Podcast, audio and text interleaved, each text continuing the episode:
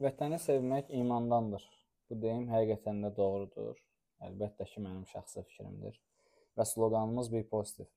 İstəyirəm vətən haqqında danışım bu podkastda nəyə görə? Çünki e, mən hər zaman e, mənim fikrimcə bu valideyndən gələn bir e, məncə bu valideyndən gələn bir e, təhsil kimi deyərdim, tərbiyə kimi deyərdim ki, e, uşaqların, övladların və yaxud gənclərin, şəxslərin, şəxsiyyətlərin vətənini sevməyi onlardandır. Onlar bizə nələri sevməyi, nələri sevməməyi bizə öyrədirlər. Mən burdan podkastda öz valideynlərimə təşəkkür edirəm ki, mən həqiqətən də çox xoşbəxtəm ki, mənə vətəni sevməyi öyrədiblər. Təmənnasız olaraq vətəni sevməyi. Vətən mənə ə, heç bir şey verməsə belə mən yenə də vətəni sevirəm. Ə, bu mənim öz şəxsi fikrimdir və mən istəyirəm ki, öz fikirlərimi sizlərlə bölüşüm. Vətəni sevməkdir, imandandır deyildikdə nədən irəli? Çünki iman ə, İslam dinində və bu günə qədər olan ə, əslində din təkdir və bu günə qədər ə, bizə yaradandan, Allahdan gələn iman əslində imanın şərtləri var. Və imanın şərtləri o deməkdir ki, yəni vətən nə deməkdir? Vətən torpaq deməkdir. Vətən ə, millət deməkdir. Vətən ə, çox incə bir ə, incə bir məfhumdur və biz onu ə, daim olaraq sevməliyik. Və bəzən mən cəmiyyətdə nələ rastlaşmıram? Hə, mən vətəni sevdim, getdim, torpağı aldım, gəldim. Yəni ə, bu zaten bizim vətən qarşısında borcumuzdur. Yəni burada biz hakimiyyəti, dövləti, milləti heç kimi günahlandıra bilmərik. Yəni hər bir zaman müharibələr baş verə bilər, hər zaman döyüşlər baş verə bilər. Biz hər zaman vətənin müdafiəsinə qalxmalıyıq. Heç bir təmənnası, heç bir ə, gözləmə olmamalıdır ki, mən bunu etdim vətənə, amma mən bunun cavabını almadım. Ə, buna görə mən hər zaman türklərdəki filmlərdə bunu hiss edirəm ki, yəni onları da uşaqlıqdan öyrədir, amma bizdə uşaqlıqdan ə, çox əfsuslar olsun ki, ə, bunu ə, dövlətə və ya hər hansı bir şəxslərə bağlılar ki, hə bu şəxs burdadır. Yəni əslində vətən şəxs demək deyil və yaxud şəxslər demək deyil. Ə, nəyə görə bunu demək? Çünki mən hər zaman məktəb vaxtından, universitet vaxtından vətənimi çox sevirəm, bayrağımı çox sevirəm, millətimi çox sevirəm deyəndə hər zaman dedilər ki, ə, yəqin sənə ödəniş ediblər, pul veriblər və yaxud hər hansı bir ə, məkanda istirahət etmisən və yaxud təmənnası sənə hər hansı bir nəsə veriblər və sən onun əvəzində belə danışırsan. Deyirəm, xeyr, bu mənim içimdən gələn bir hissdir. Yəni mən hər zaman ə, o Qurtlar Vadisində deyir ki, Memati'nin bir sözü var ki, Vətən mənim anamdır. İndi də anama söz söz deyəni dilini kəsərəm. Biraz pis səslənə bilər, amma həqiqətən elədir. Yəni vətən çox e, elə bir məfhumdur ki, elə bir sözdür, elə bir dəyəri var ki, e, kim də gəlsə vətəni heç zaman deyəməz. Mən hər zaman e, bunu qeyd edirəm ki, mənim üzüldüyüm e, bu yaxınlarda deməyək, 3 il bundan əvvəl, yəni vətən müharibəsində e, Azərbaycan tərəfində bizim millətdən e, vətən xaini olan insanların onların çıxış etmələri və e, YouTube kanalında baxanda biz onların e, etiraflarını görəndə, necə rahat danışdığını görəndə mən çox üzülürdüm ki, yəni o şəxs düşünmür ki, o vətən xainidir, vətənini satıb. Və o düşünmür ki, onun ailəsi, uşaqları, e, bütün tanıdığı şəxslər artıq bir növ utanırlar ki, bizim bir belə bir tanıdığımız adam olub və yaxud onun övladları utanırlar ki, bizim atamız vətən xaini olub. Yəni bu çox incə bir detaldır. Yəni ola bilər, ə, e, məsəl üçün ə, e, Nəsimi Eydanoğlu necə deyir? Deyir ki, ə, 40 40 il ə, sorry, Babəkdə ə, 40 il ə, boyunduruq altında yaşamaqdansa bir gün azad yaşa. Yəni ə, azad yaşamaq o demək deyil ki, yəni mənim milyonum olsun, pulum çox olsun, maşınım, evim olsun. Azad yaşamaq insanın azad yaşamasıdır ə, sözünü rahat deməyə, rahat deyə bilməsidir, istədiyi yerə gedib gəlməsi. Yəni azad bu deməkdir, hür yaşamaq. O demək deyil ki, mənim milyonum olmalıdır. Ona görə ə, uşaqlıqdan bu bizə öyrədilməlidir, aşılanmalıdır ki, vətən nədir, vətən necə sevmək. Mən məsəl üçün daha çox sevindiyim hallardan biri budur ki, vətən müharibəsinin baş verdiyi ə, ildən sonra ə, gələn uşaqlardır, daha belə az yaşlılardır və gənc nəsil daha vətənpərvər oldu. Niyə? Çünki onların gözü qarşısına canlı tarix yazıldı. Əlbəttə ki, bizlər də 90-cı illər olmağına baxmayaraq, bizlər də ə, e, gənc və orta yaşlı, orta yaşlı sayılırıq, amma bizim üçün də bir tarix oldu, amma onlar üçün daha yaxşı oldu. Çünki onların həyatı elə indi başlayır və ə, ə, uşaqların, məktəblilərin, məktəbə yeni başlayanlar üçün bir tarix yazıldı. Onlara bir tarix yazıldı ki, Şuşanın azad olunmasıdır. Çünki bizə hər zaman ə, necə olurdu? Tarix dərsində biz hər zaman nəyi əzbərləyirdik? İşğal olunan şəhərlərin günlərini. 92-ci ilin mayında hansı şəhər işğal olunub? 93-ün fevralında hansı şəhər işğal olunub? Biz onları əzbərləyirdik və bilmədən əzbərləyirik əslində, amma indi insan düşəndə baxır ki, yəni həqiqətən bizim orada əzbərləməyimiz və öyrənməyimiz ona görədir ki, biz torpaqlarımızı geri aldıq və şükürlər olsun ki, biz o torpaqları geri aldıq və Allah həqiqətən şükür olsun.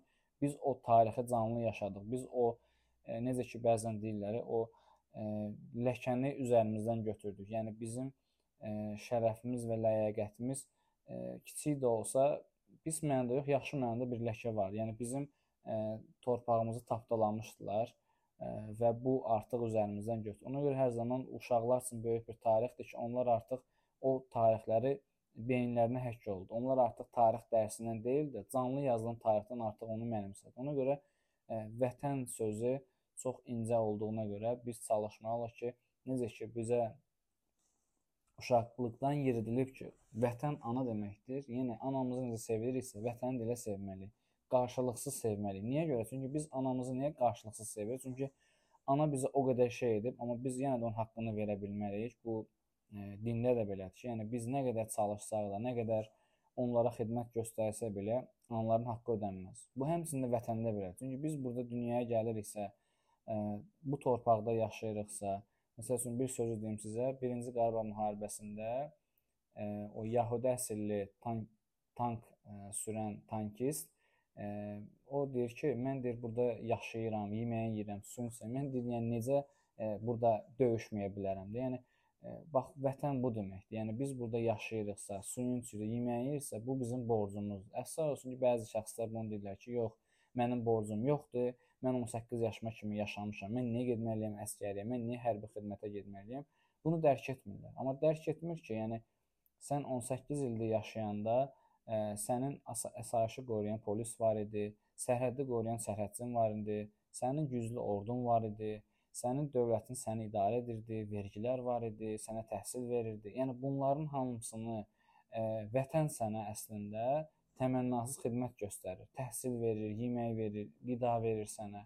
Yəni bu demirəm ki, valideynin pulu qazanıb gətir, o tamam başqa, amma sənin burada azad yaşamağındır, hür yaşamağındır. 18 yaşına kimi rahat yaşayırsansa, bu vətənə borcundur. Yəni bunu mən demirəm, yəni borcumdur, get bu borcudur. Sadəcə bunu insan mənəvi olaraq dərk etməlidir ki, yəni mən bu vətən mən deməyəm əslində. Yəni vətən demək tək bir millətin tək bir üzvü və yaxud millətin tək özü deməkdir. Yəni sənin vətəninin bir yeri işğal olunursa, sən onun üçün canından, qanından keçməlisən ki, mən yaşamasam belə digər şəxslər, mənim millətim bu torpaqlarda azad və hür yaşasınlar. Zaten bizim şəhidlərimizin şəhid olma məqsədləri nə idi? Onlar istəyirdilər ki, onların ailə üzvləri və yaxud belə deyək, bizim millətimiz azad və hür yaşasın ki, biz çətinliyi görməyək ki, onlar şəhid olsunlar.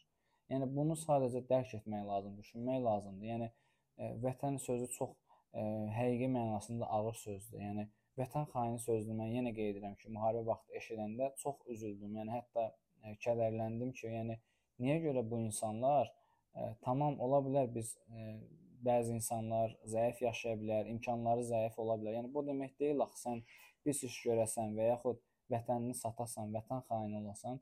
Ə, yəni bu nüanslar çox ciddidir. Və ona görə mən hər zaman ə, vətənimə bağlı olduğum üçün hər zaman baş verən inkişaflar, ə, vətəndə baş verən hər hansı bir gənclərin və yaxud digər şəxslərin biznesində uğurunu görəndə Yəni səmimi qəlbdən sevinirəm və onları paylaşıram sosial şəbəkələrdə, rəy yazıram. Bunu reytinq xatirinə etmirəm. Bunu bu mənim içimdə olan bir sevgidir. O necə ki deyirik ki, vətənə sevgi imandandır. Bu məndə ilk öncə iman sevgisi güclüdür. Yəni Allaha hər zaman şükür edirəm ki, məndə bu sevgi var və bu sevgini həm sabit saxlasın, həm daha da artırsın ki, ə, e, heç bir zaman azalmasın.